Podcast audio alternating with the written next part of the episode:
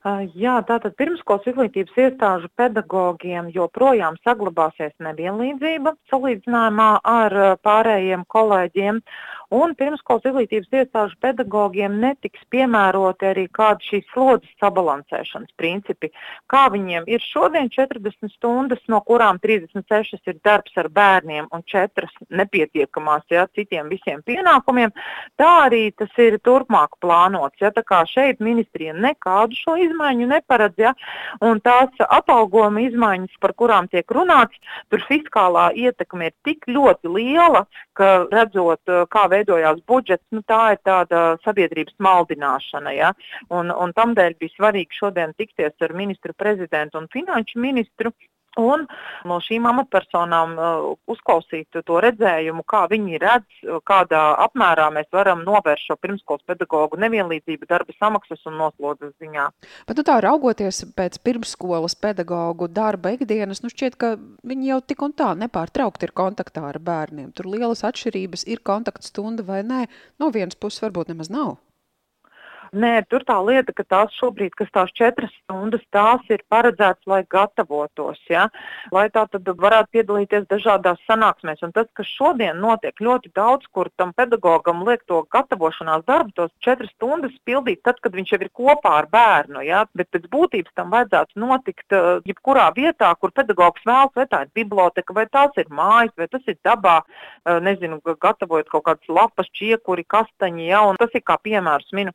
Bet uh, šodien tā skaudrā realitāte ir tāda, ka nodarbinātības uh, ziņā pirmskolas pedagoģi ir uh, krietni nevienlīdzīgākā situācijā salīdzinājumā ar kolēģiem, neraugoties uz to, ka uz viņiem attiecās tieši tādas pašas izglītības prasības, reglamentētās profesijas prasības kā pret citiem viņu kolēģiem.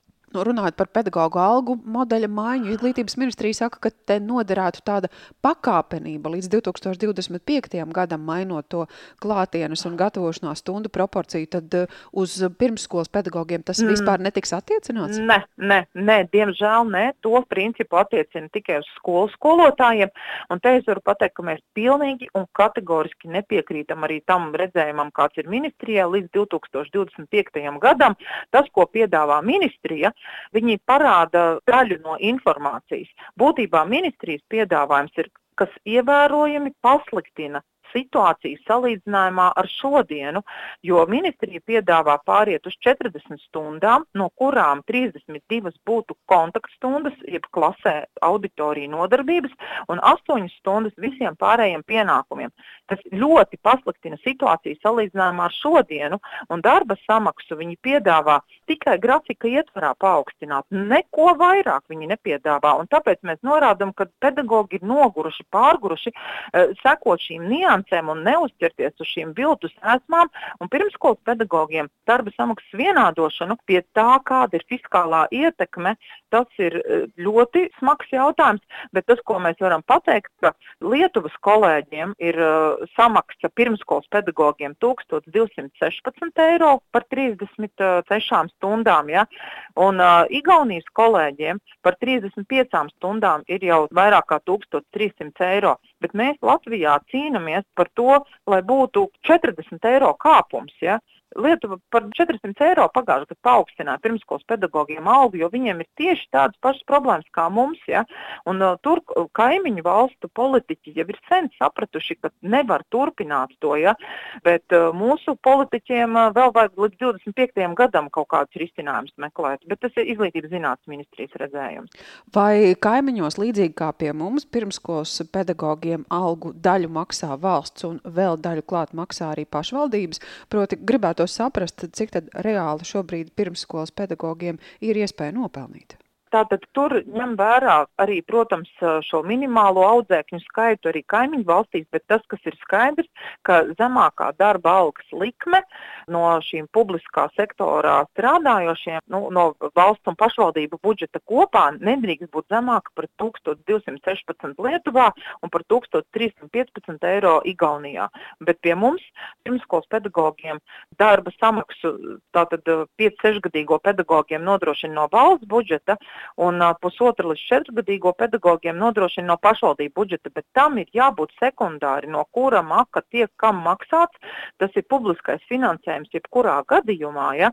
un uh, mēs vienkārši vēršam uzmanību uz šīm situācijām, un ko nevar pieļaut. Bet katrā ziņā tas, kas no šodienas tikšanās Jā, ministre, izglītības zinātnes ministre pagājušajā nedēļā mums piedāvāja šo nevienlīdzību mazināt 5% apmērā, kas, protams, nav pietiekama, jo nevienlīdzība starp šo samaksu starp pirmskolas pedagogiem un skolas skolotājiem ir 33% apmērā ja, Latvijā šodien. Un, uh, tas, ko arī šodien tiekoties ar premjeru un finanšu ministru, viņi atzina, ja, un arī Ašrādena kungs, ka 5% ir maz ka to var nodrošināt, ka tā nav nekāda problēma.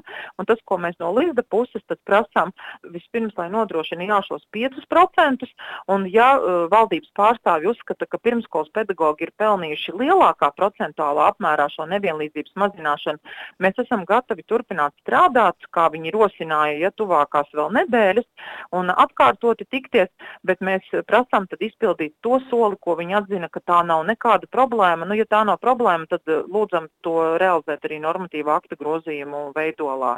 Jo tādi solījumi, varbūtības, iespējamības mēs to esam piedzīvojuši pārāk bieži, pārāk daudz.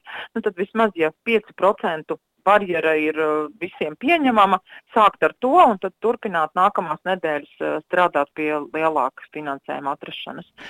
Tas pieaugums 5% varētu sākties jau no mācību gada sākuma vai nākamais gads? Mēs to prasām no šī mācību gada sākuma. Un, protams, tam būs fiskālā ietekme uz budžetu, bet mēs vēršam uzmanību, ka valdības rīcības plāns paredz šo pirmskolas pedagoģu problēmu pilnīgu atrisinājumu līdz nākamā gada oktobrim. Un mēs šodien arī premjeram atgādinājām, ka pilnīgas nevienlīdzības novēršanai ir ļoti, ļoti liela fiskālā ietekme, un tāpēc mēs lūdzam lūdzam uzsākt šo nevienlīdzības mazināšanu vismaz šogad, lai nebūtu atkal lieli strīdi ar kādām iespējamām protesta akcijām un ar kaut kādiem aizvainojumiem, ja, jo mēs jau neko citu vairāk neprasam, kā pildīt valdības rīcības plāna punktu un laicīgi.